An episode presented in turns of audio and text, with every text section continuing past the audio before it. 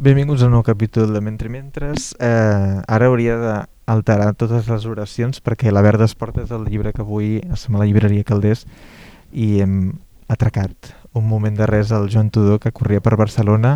Eh, suposo que si no han escoltat ja una entrevista o han vist alguna entrevista del multipremiat, per dir-ho així, pels honors de Twitter, però és això, no?, que en els mons de Twitter, si ho podem dir així, uh, i nosaltres que en som gran especialistes, si ho podem dir així també, uh, el llibre del Joan Tudor eh, feia dies que corria, l'altre dia el Mario Serra deia que era la millor cosa que havia llegit l'any 2021, Uh, l'Adrià Pujol, amic del programa, ha fet una gran campanya electoral a favor de Joan Tudor i avui et tenim aquí, els de Codalla estaven encantats que t'entrevistéssim i, i recordo que em van enviar missatges de dir sobretot, sobretot, feu com pugueu però entrevisteu-lo que us ho passareu molt bé.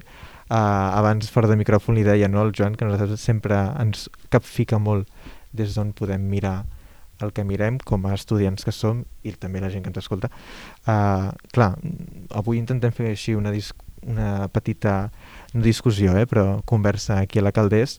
Um, per començar, m'agradaria preguntar-te, encara que ja ho has dit mil vegades, no? però hi ha l'experiència del llibre, com ha quedat, com va sorgir l'encàrrec. Um, ara que han passat uns quants mesos, que has fet unes quantes entrevistes, n'estàs content? Com, com, com va la vida amb el llibre sota la mà? Com es viatja amb el llibre? Perquè no sé si fins a quin punt també t'agrada compartir les lectures que se'n fan del llibre o la gent et ve i et diu eh, he fet aquesta lectura del llibre o m'ha quedat més pendent això que comentaves aquí jo en això som molt despreocupat. Vull dir vull dir, el sentit del llibre la, la meva lectura del llibre seria la meva lectura però és igual de vàlida que la de qualsevol persona que, que se l'hagi llegit. Uh, després després la, la gran feedback que he tingut així en persona, que no han sigut gaires, um, però ha sigut sobretot l'eterna discussió de si és millor la primera part o la segona. I la primera part, és dir, clar, explicat ben explicat, és dir, és, un, és una novel·la en una biografia enganxada o una biografia en una novel·la enganxada. La primera part és novel·la, la segona part és biografia. Uh, la discussió sempre ha sigut si, és, si, si hi ha biografia o novel·la, no? I llavors, diguéssim, hi ha sobretot la gent que la novel·la, la novel·la primera, que és una fantasia onírica, laberíntica, linciana, per dir-ho d'alguna manera, uh, l'ha trobat allò que, ui, a mi aquestes coses a mi no, no me van, cosa a partir de la qual han de deduir que no els, que no els agradaria les, la literatura del Soler. Uh, hi ha gent que sí, hi ha gent que, que l'ha enamorat, hi ha gent que, que troba que la descripció de la malaltia, el càncer, bueno, fantàstica, cosa que jo, jo sempre pensava que seria la part més fluixa. I no sé si ho és, eh, o no, mhm. però no. Però és la, la part més difícil, perquè no, no he viscut no, i no ho conec. Uh, la gran discussió ha sigut aquesta. Després la gent molt contenta, molt feliç, i jo, pues, vale, molt, molt bé. És a dir, encara estic esperant el moment que arribarà algun expert un erudit literari de, de veritat i començarà a trobar allò, mira aquí a la pàgina tal, a la pàgina qual hi ha, hi ha gent que ha trobat alguna pífia de tant en tant, això sí, alguna segona edició doncs ja, ja modificarem um, però en general la gent m'ho admira, m'ho lloa, m'ho alava diguéssim que el gran problema és que contra la lloança no hi ha cap defensa saps? Això m'ha agradat, veus? Però, per exemple, nosaltres al programa acaben passant per aquí moltes persones que ens venen a revisitar o a fer relectures. L'última va ser de la Peles Mestre, que ha sortit un llibre fa poc, que ha publicat Trípoda. En el seu moment va venir, per exemple, Garriga Set, que surt aquí amb el seu rossinyol. Uh, I en la forma d'aproximar-se de tots ells, hi ha com la, la, la gran dificultat d'haver d'explicar tot un context de, de, que a vegades, no? si ara penso en aquest rossinyol, els jocs florals, si penso en aquest apel mestre, hi ha una qüestió de la no normativització del llenguatge i per tant hi ha tot un seguit de, no sé si dir-los priorismes, però ho, de, ho direm així ràpidament.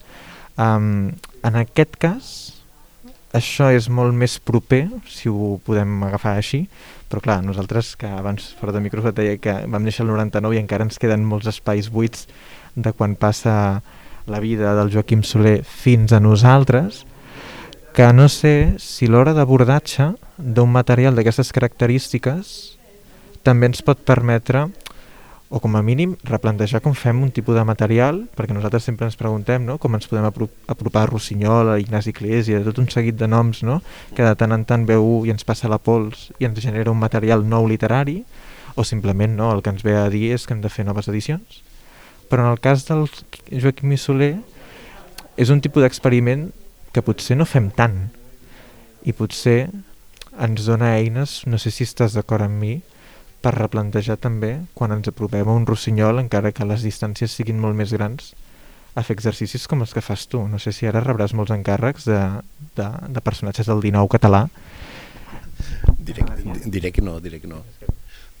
Una cosa, de, una cosa que sí que és la vida en, en este llibre a les esquenes és que no, no penso tornar a fer un altre llibre de no ficció i si pot ser un altre encàrrec perquè bueno, és el tercer o quart llibre d'encàrrec que faig. Entonces sempre hi ha hagut, aquesta, si hi ha hagut una cosa que és que m'han donat tot el temps del món, tot el temps que m'he demanat, fins i tot m'han donat més del que jo demanava, saps? I antes hem anat polint, hem anat millorant, um, cosa que no sempre passa. I després també hi ha una cosa que, com que és no ficció, com que parles de gent real, sobretot de terceres persones, uh, sempre estàs seguint el perill aquell de, de, de xafar ous, metafòricament parlant, uh, de, de ficar el dit a la llaga d'algú, que, que algun innocent que passava per allí, bàsicament, mm, sempre hi ha estos rotllos. És, és un embolic, és un cansament. Aleshores, també lo, la novel·la, la primera part novel·la, part naix d'una espècie de necessitat meva de, de poder escriure el que volgués sense aquestes mena de responsabilitats. I per altra banda, és una cosa que lliga en el que estaves dient i que fins i tot el propi llibre hi ha un moment en què comparo a tota la colla del Soler del, i dels 70s i tots aquests els comparo als modernistes perquè també el que està passant també a la Peles Mestres o el Rossinyol o, o el Bertrana o, o tota aquesta gent és que els, hi ha una espècie de recuperació perpètua perquè sempre els estem recuperant sempre estem recuperant a Víctor Català també um, i una recuperació perpètua com buscant allí una alternativa a unes formes de literatura catalana que són les, les en hegemòniques. Mm, aleshores, en, en Pedrolo o en Lo Soler o en algun dels que apareixen aquí, el Perucho o el Caldés, eh, pots trobar una espècie d'altra literatura catalana, la literatura catalana fantàstica o rupturista o, o transgressora o vanguardista que pot ser quedat més bandejada en el cas del, en el cas del Soler bandejadíssima de fet um, i clar, la, la pròpia proposta de, de fer una novel·la, de fer un, una part novel·la, que és una novel·la meua, però a l'estil del, del Soler, és, és com una espècie d'intent d'allò, mira, tenim aquest escriptor aquí que fa aquestes coses, hi ha coses d'ell que no serveixen per avui, hi ha coses que potser sí. Saps allò? Anem a, veure de, anem a fer una espècie de foc nou a partir de la llei antiga. Saps? És per això. És exactament això, no?, el que deia. Um, el que deies ara de l'estil, eh, recordo una entrevista que deies no cal que tots els escriptors escrivim com Josep Pla, no? Crec que deies una cosa així, que no sé si voldries sí. matisar, però...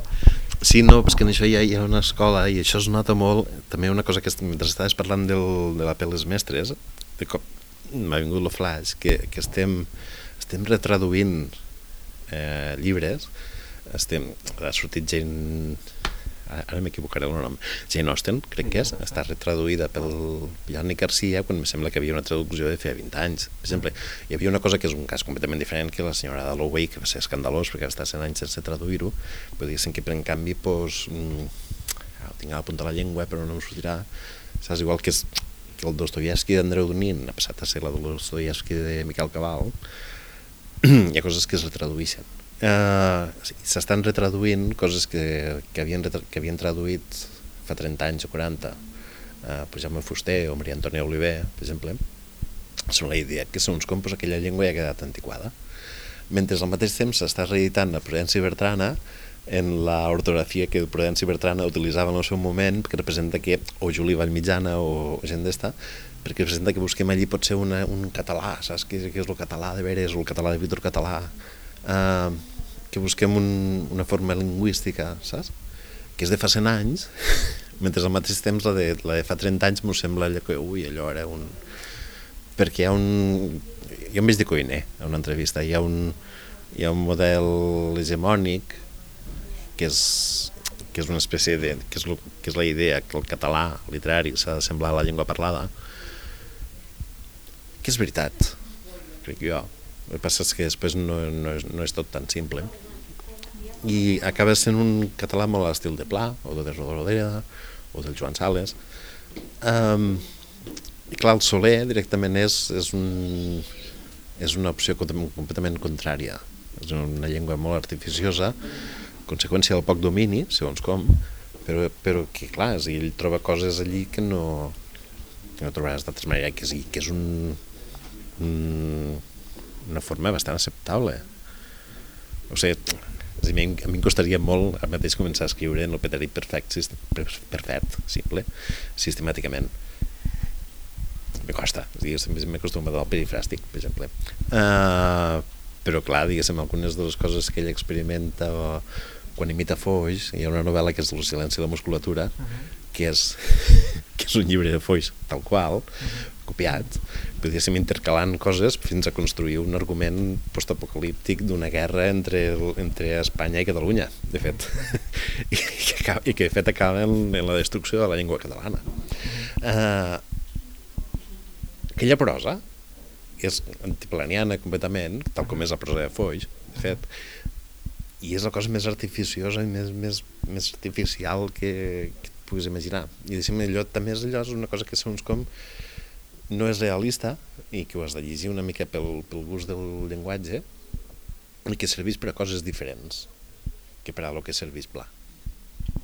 Ara has obert tres portes, eh? perquè ha obert la porta de les retraduccions i ja, ja no pensava que entraríem aquí, però um, aquest caràcter, deixa'm-li dir, teoremàtic, en el sentit pasolinià, no? d'aquesta cosa de anem a agafar les, les inèrcies, les forces contingudes, les violències, que encara ens poden dir coses a dia d'avui, um, són com portes d'entrada, no? Hi havia com un llibre del Chiche que parlava de repetir Lenin, no? de dir hi ha noms que ja no ens valen, però en canvi hem d'anar a buscar els forats o les portes que en el seu moment van ser una cosa molt benjaminiana, eh, si volem, però una, una porta no. Però... O, o, o hauntològic.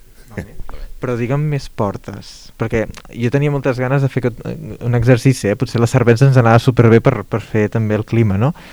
Però hi ha d'haver més Joaquim Solers i Ferret en la literatura catalana dels darrers anys i que es puguin fer experiments d'aquesta tipologia. L'altra cosa és que per qüestió de drets o perquè et vulguis forrar els propers anys i que et contracti 62 o vulguis fer amb ells.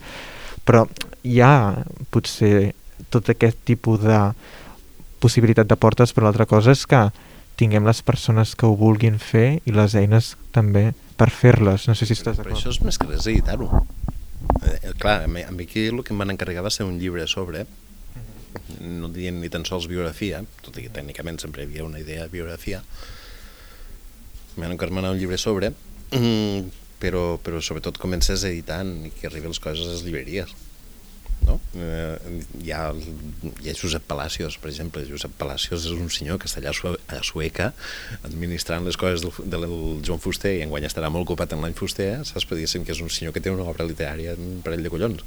Um, però que la major part de la seva vida s'ha dedicat a, a no publicar-la, sinó a editar-la, això sí, però a donar-la a la gent que passava, als amics, saps? Mm, no ha tingut distribució comercial fins fa 5 anys o 20, quan, quan van publicar un llibre en Púries perquè Xavier Folk va insistir molt. Uh, després, no sé, és a dir, a mateix un, un narrador que a mi m'agrada molt com a narrador, que és Enric Virgili, com que els llibres cada, cada vegada duren menys, no sé si a mateix ho trobaríem pels puestos, saps? Però... La visita, crec que és, no?, de, sí, de Males Herbes, ja no es troba, eh? Jo crec que ja no es troba i ara, si el Josep, que també m'acompanya avui, ho pot mirar, però jo recordo buscar-lo fa poc per qüestions alienes, però ja comença a costar trobar-lo. Mm. La visita potser no... És l'últim? És l'últim, sí, sí. És l'últim, eh? Imagina't. O Pere Guixà. És a dir, Pere Guixà pot ser que es troba... No sé, i ara diria que es trobarà que no es trobarà, m'equivocaré perquè hi haurà, haurà una llibreria que sí. Però Pere Guixà, que és un senyor que fa anys que no, que no escriu i no és, més, més, no és gaire més vell que jo, uh, clar, està allí, saps? I un home que feia un, fer uns contes magnífics. Um, però això és més que res que estigui disponible, diguéssim, perquè un exercici com este del, de la Verda Esporta és, això és un, pràcticament un caprici de, de nou ric, saps? Vull dir, 700 pàgines dedicades a un, a un senyor que va guanyar una vegada al Prudència Bertrana clar, és, és, és un, com un, un, caprici de, pa, un caprici de país normal més o menys. Un caprici, un caprici de, de país normal. Ara m'has fet pensar també um, perquè et van fer, jo crec que va ser l'Aina Baibona a la Ciutat Marada que et va fer una pregunta que et va agafar com així. Uh, crec que et va preguntar per si això era com una espècie com de ara ho diré fatal, eh, perquè ara no, no pensava treure-ho això a l'entrevista però feia referència al fracàs. Te'n recordes? que et va preguntar no sé fins a quin punt parlava com si fos una espècie com de genealogia del fracàs en el personatge, en aquest cas on la generació sí, sí però el que passa és que això sempre costa molt d'explicar-ho és d'aquelles coses que és el típic, eh? que, el, que una entrevista una entrevista tu has d'explicar en 5 minuts un llibre que, ha tardat, que has trigat 5 anys a fer-lo, eh, aleshores no explicaràs mai tan bé com està explicat el llibre. I clar, hi ha una cosa que és que el... hi ha una llibertat que vaig demanar i que em van donar, que era, que era no fer una geografia i no fer un panegíric. Um, això significa que jo puc criticar el, el Soler, que també és una cosa que no és tan habitual, les, les biografies del... No, els llibres sobre gent que es fan a, aquí, que acostumen a ser pues, pues, que bo que era, que, era, que, que tenia molt de talent, que era, que era innovador, era innovador i li agradava la, la vanguarda i alhora la tradició, saps? Mm, aquesta mena de coses. Aquí, diguéssim, vaig concedir el dret, i m'ho van donar, de discutir-li coses i això que va generant també una perspectiva que després costa molt d'explicar bé sense que sembla que estic fent sembla que m'estic carregant el meu protagonista que és dir que, que és una biografia sobre un escriptor normal un escriptor fracassat. En certa manera tampoc no és ben bé un escriptor fracassat eh, perquè, perquè realment va guanyar premis. l'Anna, el programa de ràdio va dir ah, este senyor que va perdre tots els premis no, en va guanyar 3 o 4 el que passa és que després no és un senyor que tingués un gran èxit. Com és normal escrivint el que escrivia per altra banda. Uh, antes acaba sent un escriptor bastant frustrat jo crec que ell vivia en alegria eh?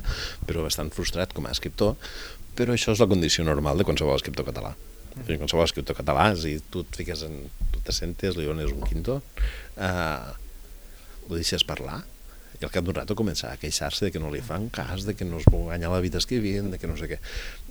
Al Soler passaria això, però és que passaria això en Baltasar Porcel, per exemple. És a dir, i segurament Baltasar Porcel trobava que no li feien prou cas, que no sé què, no sé quantes, i segurament ho pensava després de rebre el Premi d'Honor de les Lletres Catalanes. Saps? Mm, hi ha un... és molt habitual. De fet, la condició d'escriptor fracassat és la, la condició d'escriptor català per, per antonomàcia. Sí. Ara m'has fet pensar en, en això de les biografies perquè tu vas citar-ne una també en una entrevista que l'autor de la qual surt per aquí bastant, que és el Guillemona amb el llibre del Perucho, sí. que ell et supera en pàgines i com també la pàgina és més gran també et supera, suposo, en caràcters. Um, ara et tocarà, ara pregunto el Joan Tudor crític, no? Uh, mirant aquesta, aquesta biografia, per exemple, què et va semblar la lectura d'aquesta? Toma, pregunta. És un dels models. És a dir, l'entrevista que tu vas sentir, i segurament jo vaig dir que era com un dels models, enmig el Guillamón del Perucho, que va passar senzillament que molt aviat vaig descobrir que el Perucho era una de les admiracions del, del Soler, el Soler tenia un programa de ràdio, entonces anava ficant fragments de, de llibres i coses, i m'he determinat allò, anar, anar, anar repassant el que feia, m'he donat compte que el que sortia més era Perucho, li va de cap com a tres o quatre programes monogràfics. Mm, aleshores, pues, va, anem a mirar a veure què diu el Guillemón del Perucho. I antes diguéssim que és una, una biografia que ell, eh, que ell aprofita, te parla del Perucho, de pas pues, te parla de qui era Luján. Saps que jo, per exemple, no tenia punyetera idea de qui és el Luján. És un, era un senyor que menjava bé per a mi, un senyor que sortia a la tele, així gras i no sé què.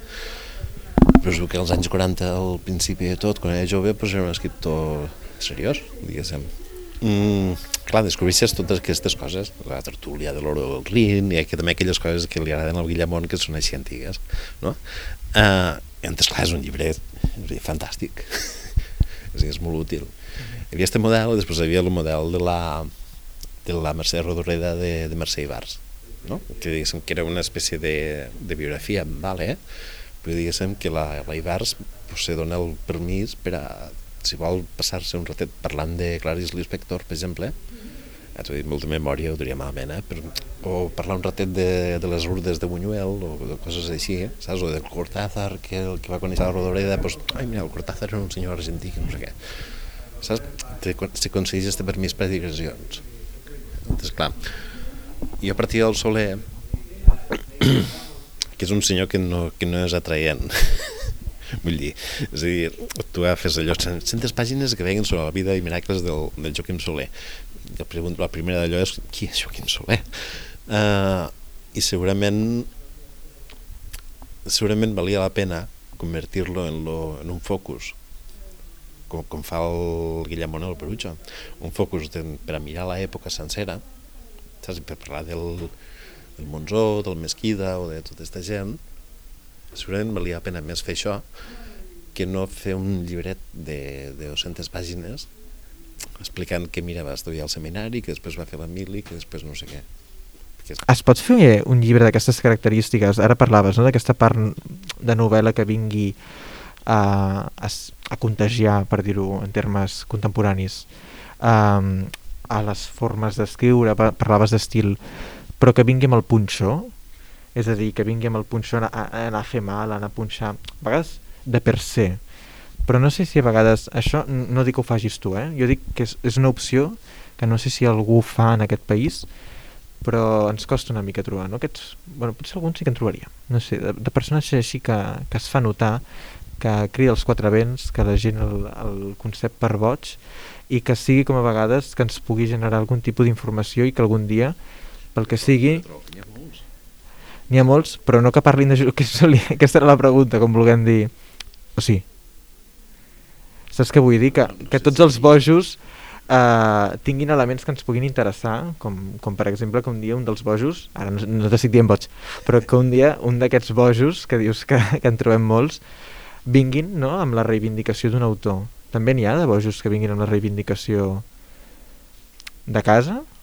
O això no... Perquè jo no ho havia pensat així a tots aquests bojos que trobem per la literatura catalana? Jo crec que sí. Que tots venen amb el seu boig de pancarta?